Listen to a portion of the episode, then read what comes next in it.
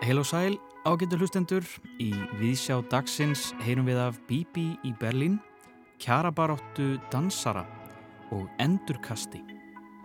Bjargei Kristjánsdóttir, sem vanlega gekk undir nafninu Bibi í Berlín, var fætt á kótbílinu Berlín rétt fyrir utan Hofsós árið 1927 og var úrskurðuð fljótlega á fyrsta ári fáviti eins og það var kallað á fyrirluta 20. aldar. Eftir látmóðu sinnar, þegar Bíbi var um þrítugt, var hún flutt gegn vilja sínum á elliheimilið á Blöndósi. Þar dvaldi hún í tæp 20 ár, eða þar til hún flutti inn í Þorpið, þar sem hún bjó í skjóli vina um hríð en endaði æfi sína á elliheimilinu þar sem hún lést árið 1999. Bíbi leta eftir sig sjálfsæfisögu handrit, handrit sem þær Guðrún Valgerður Stefánsdóttir, professor í föllunafræði og Solveig Ólagsdóttir, sagfræðingur, hafa á samt öðrum stúderað síðustu misseri en handreitið verður gefið út í vor í reytröðinni Sínisbók Íslenskrar alþýðmenningar. Það er Solveig og Guðrún verða gestur okkar hér undir lokþáttar. Borgarbókasafnið Spönginni í Grafavogi sínir nú þennan mánuðin myndlistasýninguna Endurkast. Í litlum sál og um allt bókasafnið hanga óljumyndir af mannslíkumum draumkendar myndir sem bjóða fólki á stefnumót við fjölbreytta flóru fólks. Listamæðurinn er Camilla Reuter, hún á rætur sínar að reykja til Finnlands. Hún hefur verið búsett hér í mörg ár, útskrifaðist frá myndlistadeild LHI árið 2017.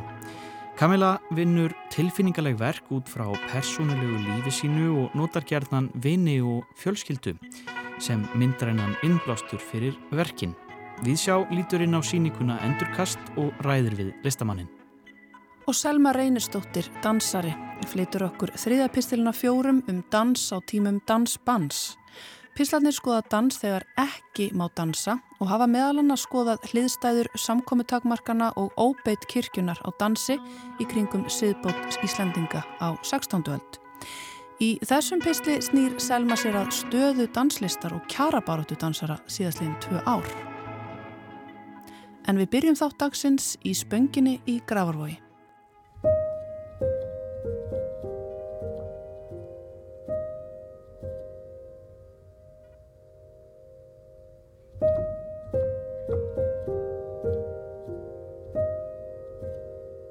Viðsjá er komin hingað í borgarbókasafnið í spönginni, menningarhús. Uh, hér er búið að setja upp síningu sem heitir Endur Kast.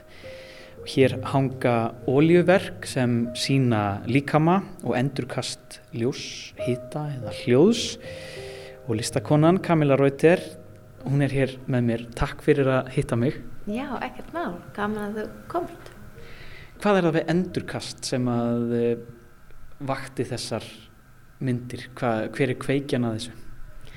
Já, ég held að pælingin var hvernig Þegar þú ert að gera myndir af sjálfum þér eða öðrum þá eru myndirnar alltaf einhvers konar endurkast af raunveruleikanum og í raunveru ferðast gegnum mér líka sem listamæður og ég hugsaði að það var kveikjan fyrir síninguna. Ég fór og skoði bara alls konar verk og hugsaði hvað væri svona saminlegin fyrir verkum og hvernig ég gæti listverkin. Mm. Hvernig var ferðlið? Þetta búin að vera að hugsa þetta lengi?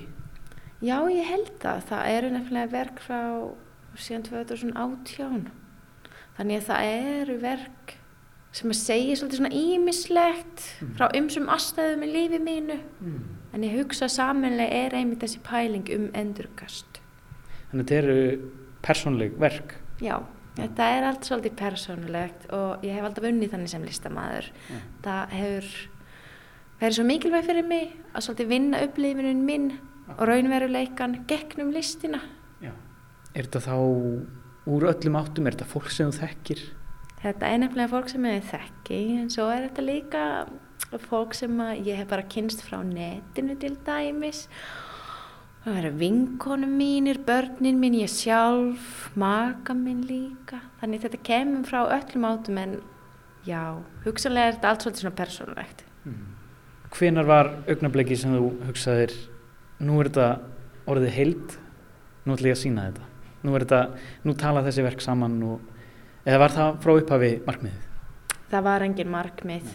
Eins og ég sagði þá er verk hér síðan 2018 verk sem ég hef sínt líka í öðruvísi kontekst þannig að fyrir þessa síning þá kom þetta bara svolítið saman ég var í stúríun, ég var að hugsa um þetta og eins og ég sagði ég fór yfir ymsu verk sem ég hef verið að gera og hugsaði hvað það er sem ég gæti verið að sína saman og hvernig verkinn tala líka saman. Svo er líka pælingi með lítina og formin. Þetta kemur svolítið svona út um allt. En kemur síðan allt heima saman? Já, og, kemur allt og, heima saman, einmitt. já, Akkurat. Uh, Hvernig myndið þú uh, lýsa þessari síningu þá sem heild? Er þetta Ertu að segja sögur þessa fólks? Ertu að lýsa ákveðinni tilfinningu? Hvernig myndið þú lýsa þenni? Þetta er alltaf pælt sem narrativ. Allavegna fyrir mig það að mála og gera eitthvað svona figuratíft sem er ekki abstrakt þá finnst mér að það er alltaf einhvers konar narrativ í myndinni og náttúrulega ég er með mína eigin pælinga hvað það á að vera, hvað sagan á að vera á bakvið mm. en svo má manneskinn sjálfur að tólka myndina á sín eigin hátt og sjá bara það sem að maður vill í myndinni. Mér finnst þetta á að vera ákveðin fyrir að sleika í því.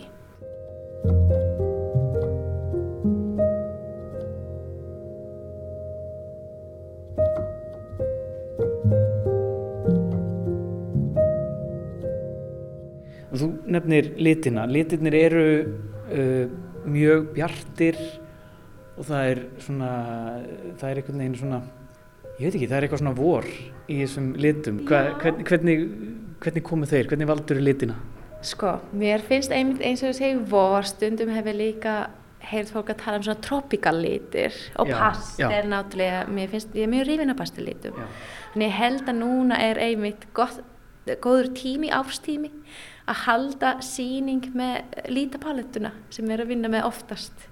Það er eitthvað mjög vorlegt í þessu og kannski tengist líka það að það er auðvöldast að byrja að mála á vorin því þá er maður komið nóg mikið af byrtu og ljós og það náttúrulega skiptir öllu máli í þessu. Já, það er tíminn til að vera myndlista maður. Já, það er nefnilega tíminn til að vera myndlista maður. Þetta er besta tíminn að vinna hér á Íslandi núna. Já. Það er aldrei einu af þessu bjart og kannski er maður búinn að sapna einhverju svona hugmyndir og gera smá konseptvinni þarna um vetrartíman og svo loksins kemst þetta allt á stríga Og líka eins og nefnir uh, svona tropical litir, þú veist það eru pastel og svolítið út í blekt og ferskjulita og svona og svo horfum við út í gluggan og það er bara uh, hérna hríðar, bilir og snjór. Þetta, þetta hlýtir að uh, vekja smá svona hlýju hjá fólki. Hvernig hafa viðbröðum verið? Eins og þú segir, það er svona, kannski vekir svona vorstemming í fólkinu. Og þannig hafa líka viðbröðum verið sem ég hef fengið að þetta sé eitthvað svona gott fyrir augað.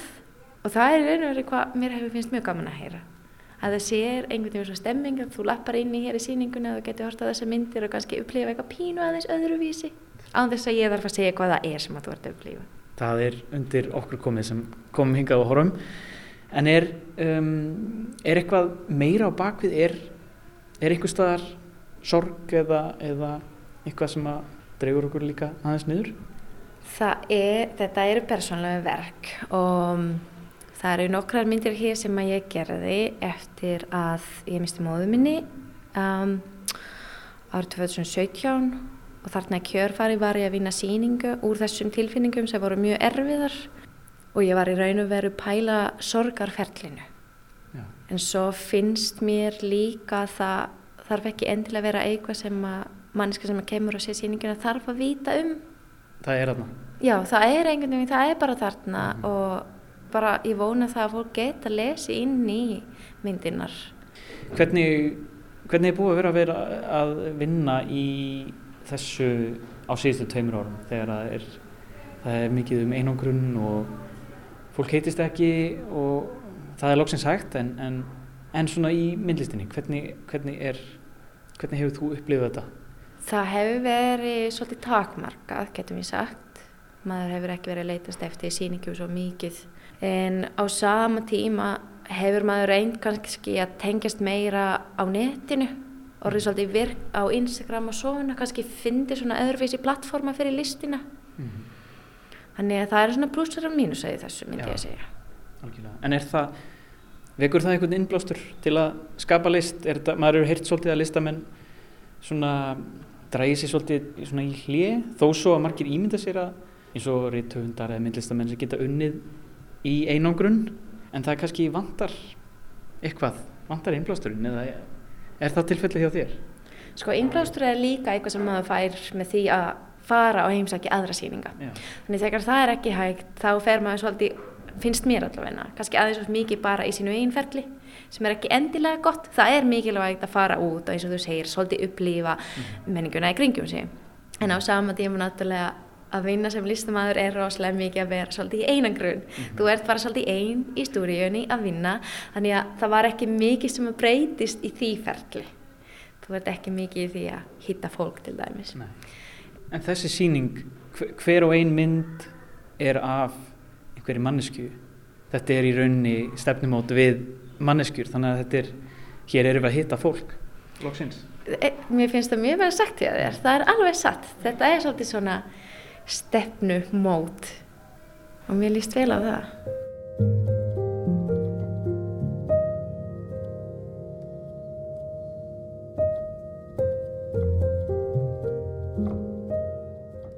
En ég ætla, ég ætla að grilla þig aðeins. Uh, ég var að lesa lýsingun á síningunni mm.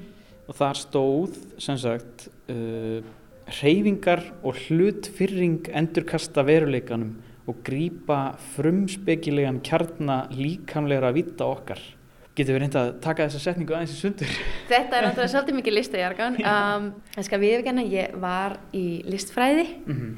og ég er að fara að klára meistarriðkennið mína núna. Já. Þannig að ég er kannski svona aðeins fönn að búa til aðeins og flangar og flótra setningar. En kjarnið í þessu er kannski þessi sagt, þessi subjektífa upplifun mm. í listinni sem, sem að ég sem listamæður reyni að miðla í raun og vera gegnum lítir og gegnum form mm. sem að er það sem ég er kunnu með miðlinn minn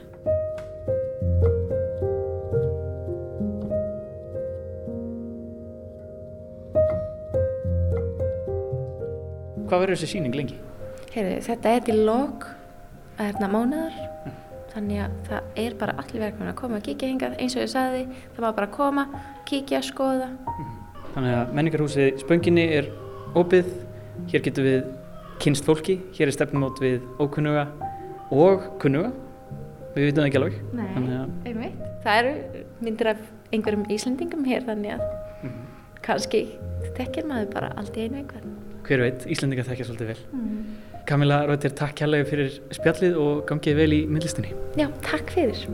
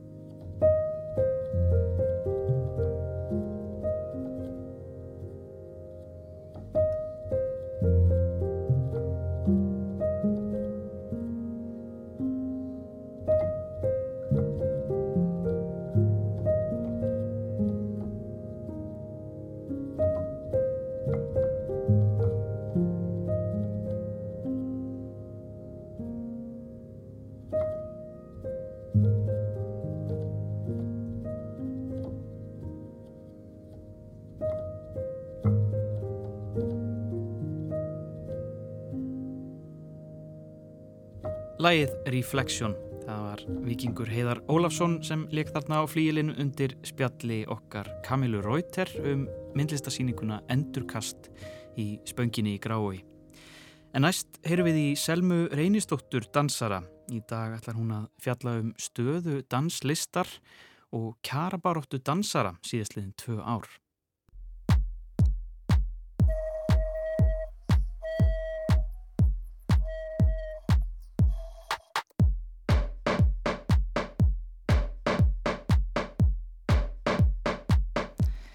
Hægri fótur tekur stórt skref fram, ég beigi fótin og færi þungan alfarði á hann. Vinstri fótur ferðast eins og pendull í kringum þann hægri og ég skila þunganum aftur á báða fætur. Ég tegi hendurnar upp, beigi mig, alla leið niður í gólf, rúla yfir bakið, yfir hægri auksl, sting vinstri fæti undir og stekk lárétt til hliðar með því að íta niður í vinstri fót með þann hægri framréttan.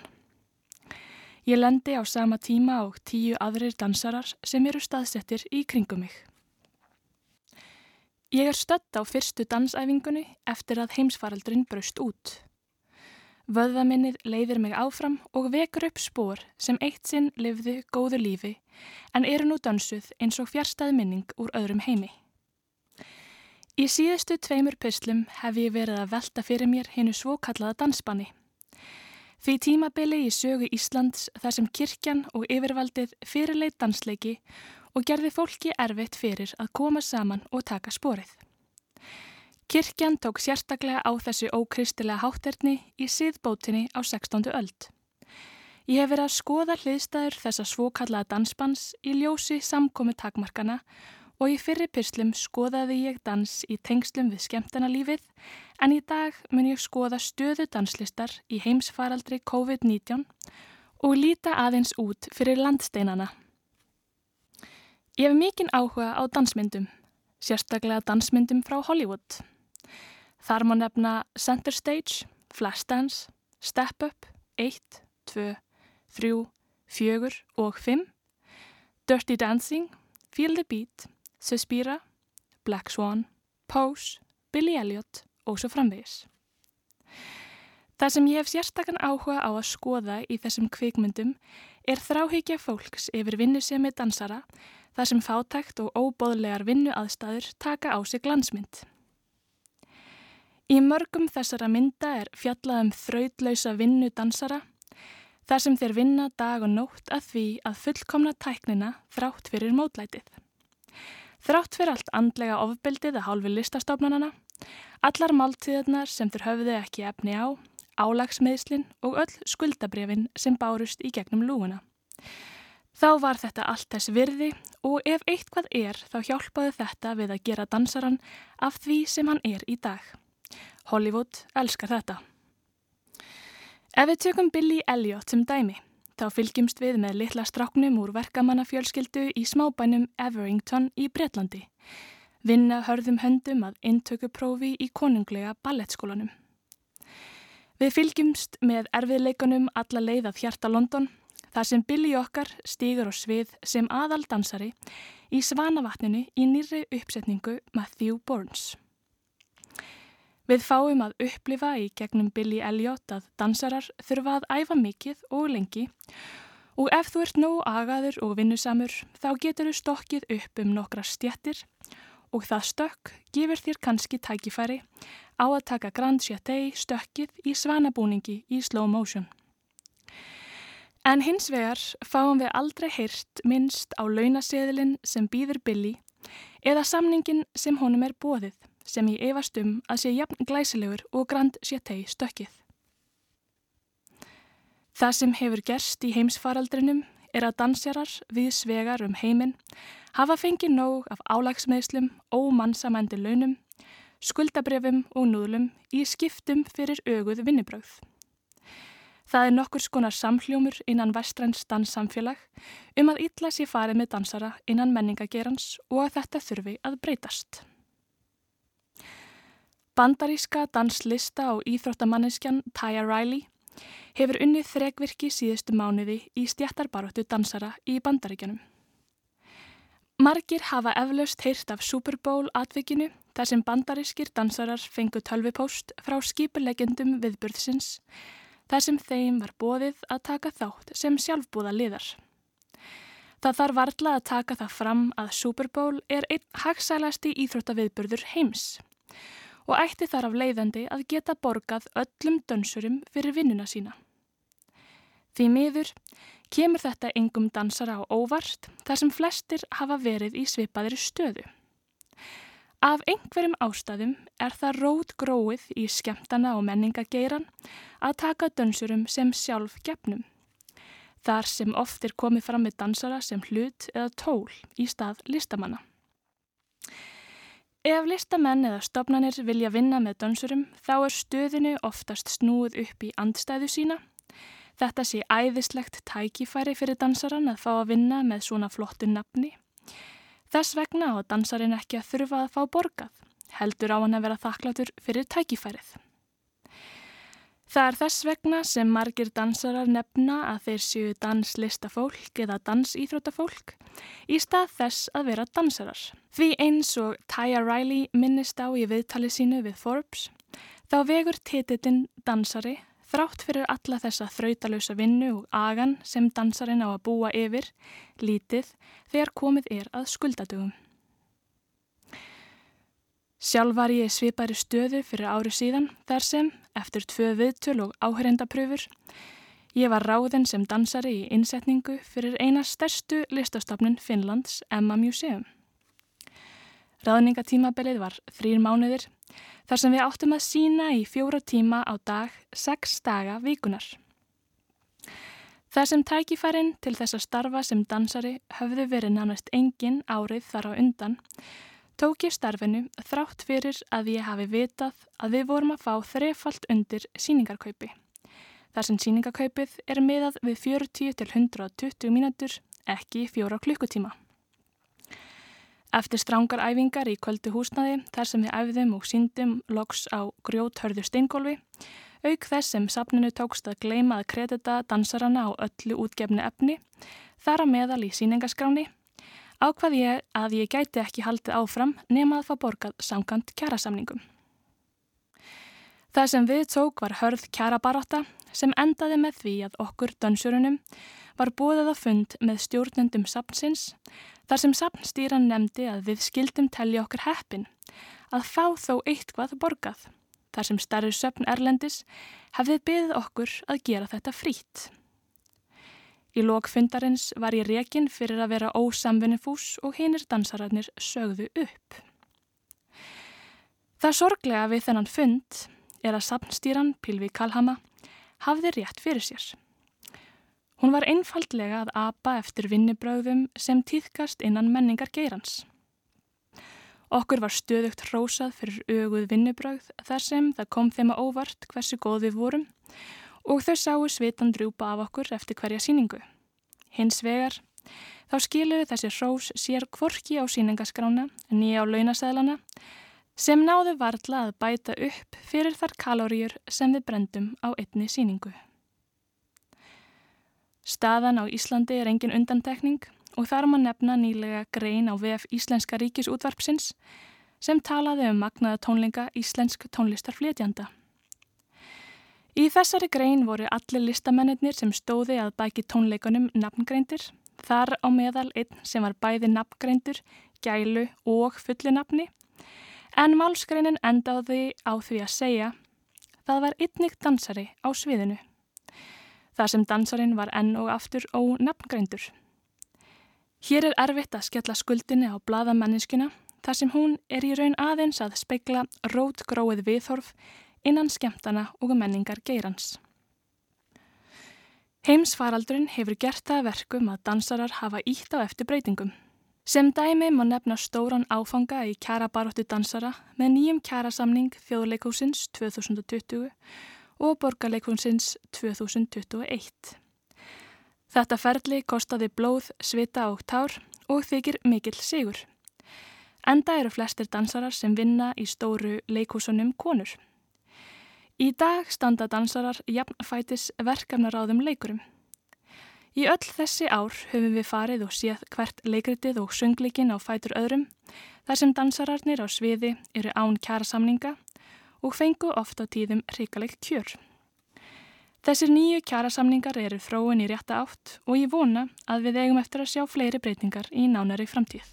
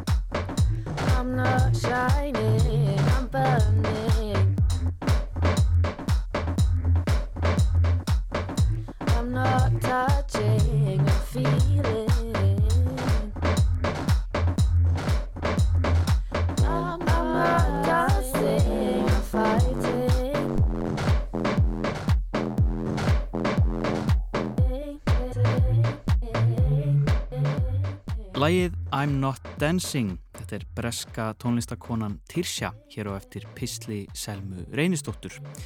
En þá yfir í allt annað. Nú í vor kemur út í rítröðinni sínisbók íslenskrar alþýðumenningar verk sem að Bjargæ Kristjánsdóttir sem vanlega gekk undir nafninu Bibi Berlín ritaði. Bibi var fætt á kotbílinu Berlín rétt fyrir utan Hofsós árið 1927 og var úrskurðuð fljótlega á fyrsta ári fáviti eins og það var nefnt á fyrirluta 20. aldar. Bibi leta eftir sig 120.000 orða sjálfsæfisögu handrit sem hún hafði unnið að mestu í innrúmi og haldi lindu fyrir fjölskyldu sinni og samferðafólki fáir vissum tilvist þessa handrits. Um liðna helgi var málstofa um handrit Bíbjar hluti af hugvísindanþingi Háskóli Íslands og þar tóku meðal annars til máls þær Guðrún Valgerður Stefánsdóttir, professor í föllunafræði við Mentavísindasvið Háskólans og Solveig Ólafsdóttir, sagfræðingur og þær eru hinga komnar til að segja mér frá Bíbi í Berlín og þessu handriti sem að þær eru að vinna að veri velkomnar. Takk fyrir. Egu ekki bara byrja því að draga upp mynd af Bíbi. Hver var Bíbi í Berlín, Guðrún? Já, uh, Bibi Berlín uh, var uh, kannski, á ég að segja fyrst, bara stórkosli manneskja, finnst okkur. Og auðvitað, sko, ég var að fjalla á málþenginu um hver Bibi væri og auðvitað, sko, var Bibi svo margt eins og við öll. Og hún var náttúrulega, eins og þú sagði, hún fekk hana stimpil fáviti sem að e, var ótrúlega neikvæður og við getum séð það enn þann það í dag hvað hérna e, hann er neikvæður og í rauninni sorglegt hvernig þetta hugtak hefur þróast að það er farið að tengja það við e, já bara kynferðsbrótamenn og þetta er í rauninni hugtak sem var í lögum alveg til 1979 um fólk með þróskömmlun Mm -hmm. Þannig að mér finnst það mjög sorglegt einhvern veginn hvernig þetta hugtak við þróast og hvað auðvitað var það alltaf neikvægt af því það var svo hérna, neikvæð stimpill á þessum hópi svo ég takki aðeins svona framhjá. En Bibi sem sagt hún uh, fær þennan stimpil uh, þannig 8 mánuða gömul eða 9 mánuða gömul þá veikist hún og það eru svona eiginlega tvær hliðar á því. Hún lýsir því sjálf að hún eftir þessi veikindi þá hafa hún uh, sem sagt hætt að þroskast en síðan uh, eftir að við fórum að kanna söguna og, og tala við fólk að þá kemur ljósa hún hefur sennilega verið fætt með vannvirkan skjaldkirtil og, uh, og það er sem sagt það sem öll bönn í dag eru, eru það tekin pröfa og hægt að, að hérna, komið veg fyrir að, að e, þau sem sagt mm -hmm. þróskist ekki eðlilega eins og flesti vita. Þannig en Bibi fæðist náttúrulega 27 og þá er þessi þekking sennileg ekki til staðar og e, hún er sko En það sem er náttúrulega málið með Bibi, hún uh, á þessum tíma þá er svo mikið skömm að eignast falla batn og uh, pappina sérstaklega uh, virðist að hafa skamma sér mikið fyrir hana. Og hún var sérstaklega falinn fyrir gestum og gangandi. Uh, þau byggu í þessum litla kotbæ og sóla kemur kannski inn á þá eftir. -huh. þetta var ótrúlega frumstætt allt saman. Og það er átt hún að vera í eins og hún lýsi sjálf opskottinu þegar að komi gestir En hún mátti uh, umgangast fólk þegar mamminar var, eða pappinar var ekki heima. Þannig að hún var falin, hún fekk ekki að gangi skóla, samt var skóli á, eh, hérna, á Hófsósi á þessum tíma. Eh, hún eh, hins vegar lærir að lesa og skrifa, pappina sér til þess að hún fær kennslu heima. Og eh, hún fermist líka, en hún fær ekki að fermast með sínum jafnaldrum, þrátt fyrir að hún hafi bæði verið læs og skrifandi og kunna hverið. Mm að þá er á síðustu stundu, hún held hún var að fara fermast með hérna e, sem sagt jafnöldrum sínum, að þá er hægt við og við vitum alltaf ekki alveg út af hverju það var og það er ótrúlega sorglega lýsing e, hennar af þessum atbyrði. Það er búið að klæða hana upp Já. Hún er komin í fötinn, Bibi var hérna mikil hérna, tísku drós, hafði mikinn áhuga og mikinn smekk á fötum og lýsir því til dæmis hvernig hún var klætt sem bann en þarna er hún á fermingadaginn þegar aðrir, allir, allir jafnaldar er að fermast á kvítasunni dag í kirkina á hofi að þá hérna komum við með bylgjað hár og, og í, í hérna í kjól sem hann fannst maður ekki neitt sérstaklega smekklegur og, og einhverja hæla til dæmis og, og einhverja skuplu var hún komið með.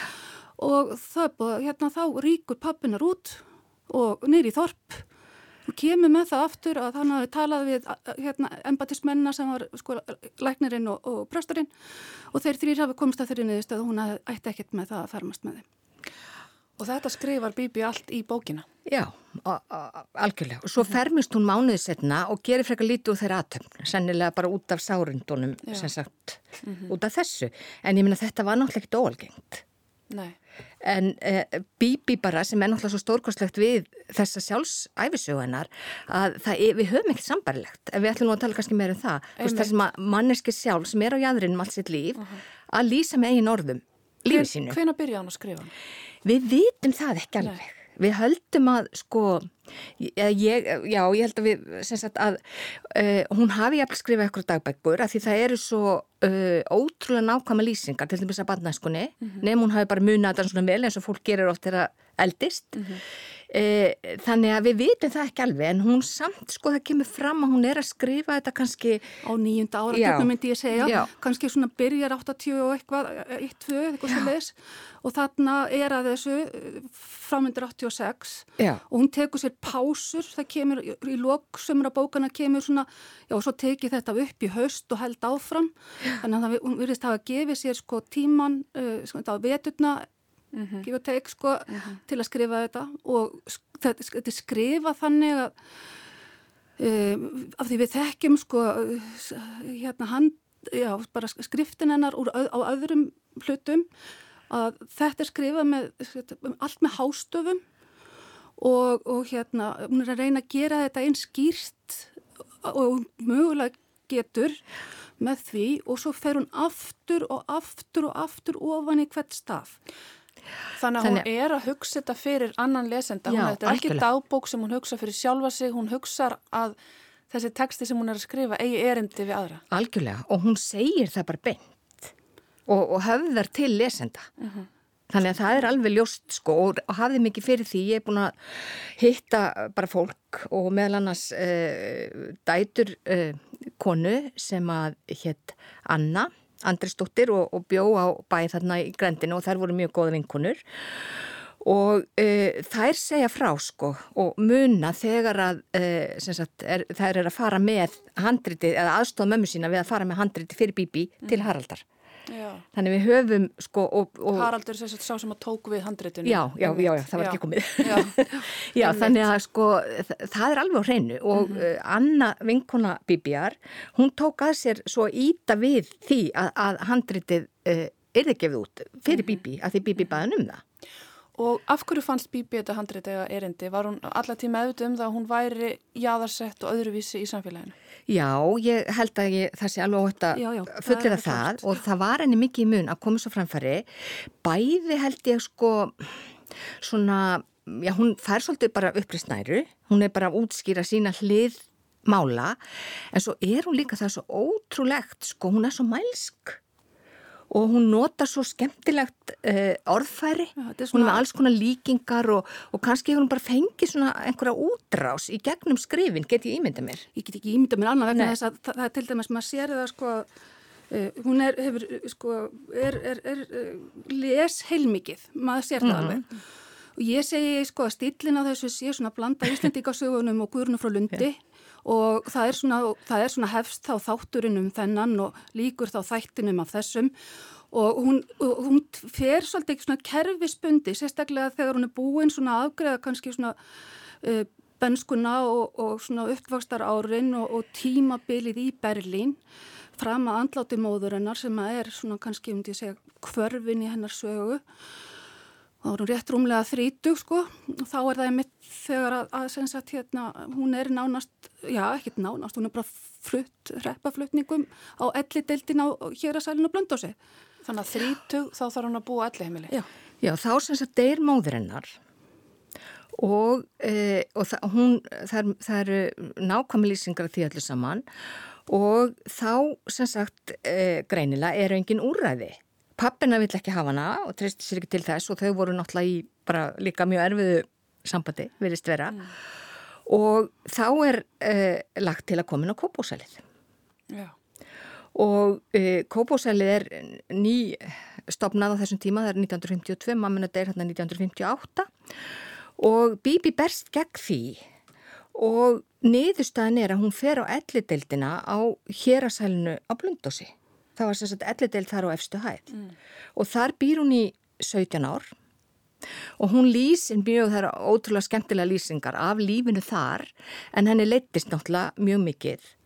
Og sko það er svolítið áhverð, það er í rauninni sko það er, hún verður fyrir einhverja aðkasti en það eru líka margi sem er henni mjög góðir og hún eignast góðar vinkonur og uh, uh, velgerða menn sem að fylgjenni bæði læknarnir og, og eiginkonur þeirra og starfsfólkið á hælinu sumt.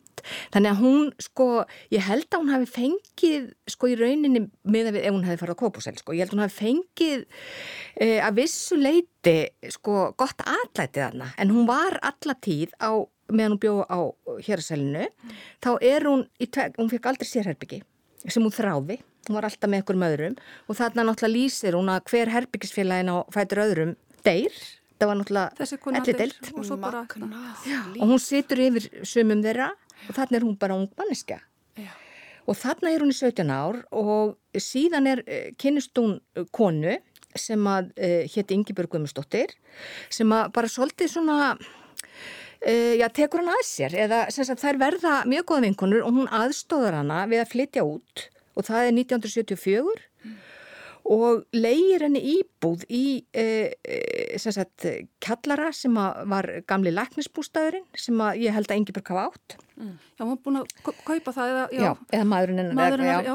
og þar býr Bíbi í nokkur ár og flytur svo síðan aðstofar hann, Ingibjörg hann að við að uh, flytja í hús. uh, lítið einbilshús sem að uh, er kallað Bíbiarhús í dag og er uh, við blöndu sem sagt á blöndusi bara svona að sko Uh, svona, þetta er svona í stórum dráttum. En það sem er svo áhugavert og sem að Sóla kannski kemur meira að eh, er að meðan hún sem sagt er á uh, ellideildinni sko það er, alveg ótrúlega lýsing þegar hún kemur þangað, hún hafði náttúrulega bara verið í, í, á Hofsósi í Berlín. Ég hef svona hafi alltaf farið út fyrir sveitina. Nei, nei. og hún lýsir sko mjög nákvæmlega bæði ferðinni e, og tilfinningunum í hvernig fötum hún var. Hvað hún fór með með sér. hún fór maður með sér.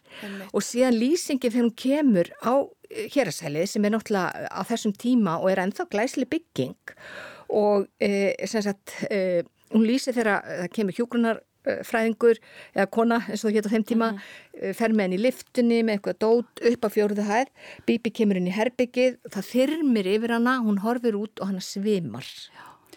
Solveig, þú eh, hefur svona aðeins stútir að Berlín og þetta samengi sem hún sprettur úr, samfélagi þarna sem hún vex upp í, segðu okkur aðeins frá því. Já, þú veist að Berlín er, rétt, er svona rétt fyrir utan Hofsós, er í, í hérna landi Nausta og hérna þetta er, húsið er byggt, þetta er svona, já, þetta, já, byggingasteg húsin sem er því miður búið að móka í burtu núna. E, já, byggt 1903, þetta var sagt, innan við 15 fermetrar húsið að grunnfleti, e, ofbóðslega sko, látt reysið á því, hýbrit af, af, af torfbæ og timbur, timbri mm -hmm. með hlöðnum ökjum, Al, stendur alveg sko, við sjáar bakkan og það er sem sagt hérna... E, lendingin þarna fyrir neðan þetta er ægi fagurt bara og svo bara er, er, er skagafjörðurinn þarna bara fyrir framann mm -hmm. uh, húsið er, er hérna já, illa þiljað það er, það það er illa þiljað að, að, að hérna þess, þessi tvö rými sem voru á gerðaðinni og svo er bara valla loft, þú veist það var ekki mann gengt og svo var skriðkjallari svo kallaður þannig að þú veist að hann var ekki gengt, þú veist það var, það var þurfti bara að skriða þar inn. Mm -hmm og þarna eru þau fjögur sem sagt í heimili, foreldrarnir og, og Bibi og svo þegar að bróðurinn að fæðist þá, þá, og það er náttúrulega þarna er hún falin, hugsaður eða þú ert verið að fela þig inn í 15 fermetrum sem er ekkert. Mm -hmm. og hún hefur auksaðanlega verið mjög viðkvömpaði fyrir háfaða og svona áreiti maður finnur fyrir því þegar mikla lýsingar þegar útvarp kemur í fyrsta skipti Dásum. hvað þetta er erfitt fyrir henn að vera innan um hérna. hún átti e, sagt, þessi sjúkdómur hennar að gerði það kleif að, já, hún gæti ekki til dæmis þegið sér um hárið og átti erfitt, erfitt með að sinna sér og það þurfti að fá hjálp og svo til dæmis eins og þegar hún fyrir að fá, fá blæðingar og annað þá er þetta, hún er ekki með neitt prífasi og ekki neitt og, og, og áreitið er, er mikið, það er, þú veist, hún, er, hún hefur trublandi nærfuru og, og hún er mjög viðkvæm fyrir áreitið annara, þannig að þetta hefur verið, maður finnur bara fyrir sko spennunni þarna inni. Uh, fátt sem hún gætt gert sko, sem að, sem að þótti vera vinna við hæfi Það er þróskaskert kona í, á næsta bæ eða á nöstum, fullorðinn, sem að gæt þó sko hérna sótt vatn og móka flórin en hún gæt það ekki sko og hún er af lýsa þess að það ber, ber það saman. Eina sem að sko, hún sagðist að hafa haft gaman að vara að passa hænungana og það er mitt, hún á erfitt með að, að, að gera hluti sem að töldust til vinnu þannig að það er líka hérna eitthvað sem að pyrrar hérna fjölskylduna að hún getur ekkert sendað, vinnuframlaðanar er ekki mm -hmm. svo er hérna um, þau eru bláfáttak og þau eru í hérna þurfa á á sensat einhverjum svona nágrunum sínum að halda bara til þess að fá lánað eða leikt eitthvað, einhvern túnbleðil til þess að heia fyrir, fyrir þessari einu eða tveimur skeppnum sem eru á svæðinu, mm. einn kýri fjósi og, og, og nokkra kindur og eru alltaf einhvern veginn undir, já, undir einhverju svona valdi einhvers annars og maður finnur fyrir að það er mjög mikill stjættamönnur og, og, og já, þetta er, það, þetta er jæðarsætt fólk með, með bíbi þarna ennþá lengra út á mhm. jæðurinnum. Mm -hmm. Hún hefur auksáðanlega svarað fyrir sig fljótlega og, og maður finnur alveg fyrir því og hún, þannig að, já, og svo til dæmis máttu hún ekki fara á bæi mm -hmm. og svona, þannig að maður finnur mjög mikið fyrir, mikið til spennu þarna mm -hmm. á heimilinu. Já, en hún gerði þess að hún fór á millibæja setna sko, sérstaklega. Já, sko, þegar hún náði þennan eldri, þarna, en sérstaklega talar hún um, um þetta svona á þessum svona bensku og uppvöxtar árum og til dæmis eins og þetta, hún fer ekki inn í þorpið nema einu svona ári á á skemmtunni, jólaskemmtunni badnaskólunum sem henni var meina að fara í Þetta eru þetta alveg ótrúlega lýsingar mm. og greinilega um algjörlega einstaka sögu að ræða sem að þið eru hérna rannsaka. Þið yeah. fenguð þryggjára rannsóknarstyrk til að vinna að þessu verki yeah. sem að kemur út núna í vor en þið mm. munu halda áfram veitið eitthvað með þessar rannsóknir á handrétinu. Yeah. Svona östu til lokin, segið mér hans frá þessari aðferðafræði ykkar og, og hvernig þið ætla að setja lokapunkt á þetta.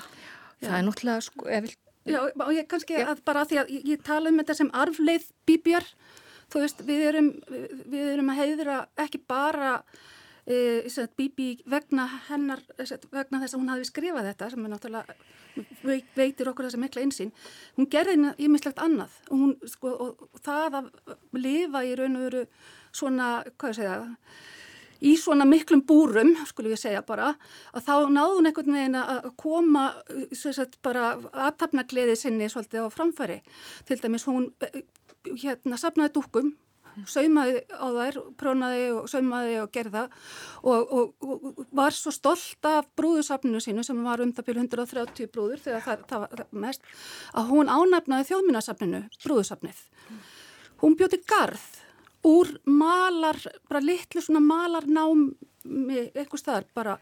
Og það var að hún gekk upp í þennan gard sem var fjóra kílometra frá hérasælinu upp þar sem heitir Svínvetningabraut og það er sem sagt bara, horfðu hún á þennan stað, ég hérna ætla ég að búa til gard og gerðan alveg bara, þú veist, hreinsaði fyrst bara drasl, fóð svo bara planta og seinti þessum gardi þannig að hún satt fór á hverjum degi frá því að snjóa leisti þá hún gæti að fóra að snjóa aftur og fekk mér sér viðkenningu frá Blöndósbæ og því að ég, svona, ég segi það nú frekar í gamlein alveru og hún hafi fengið hérna, viðkenninguna fyrir að vera svona döglega að ganga aðnöndir. Það er ekki bara það, það hún gerði þennan garð og fekk aðstóð og, en hún þurfti, þú veist, það var ekki reynandi vatn og hún þurfti bara að bera eða koma vatni í þarna.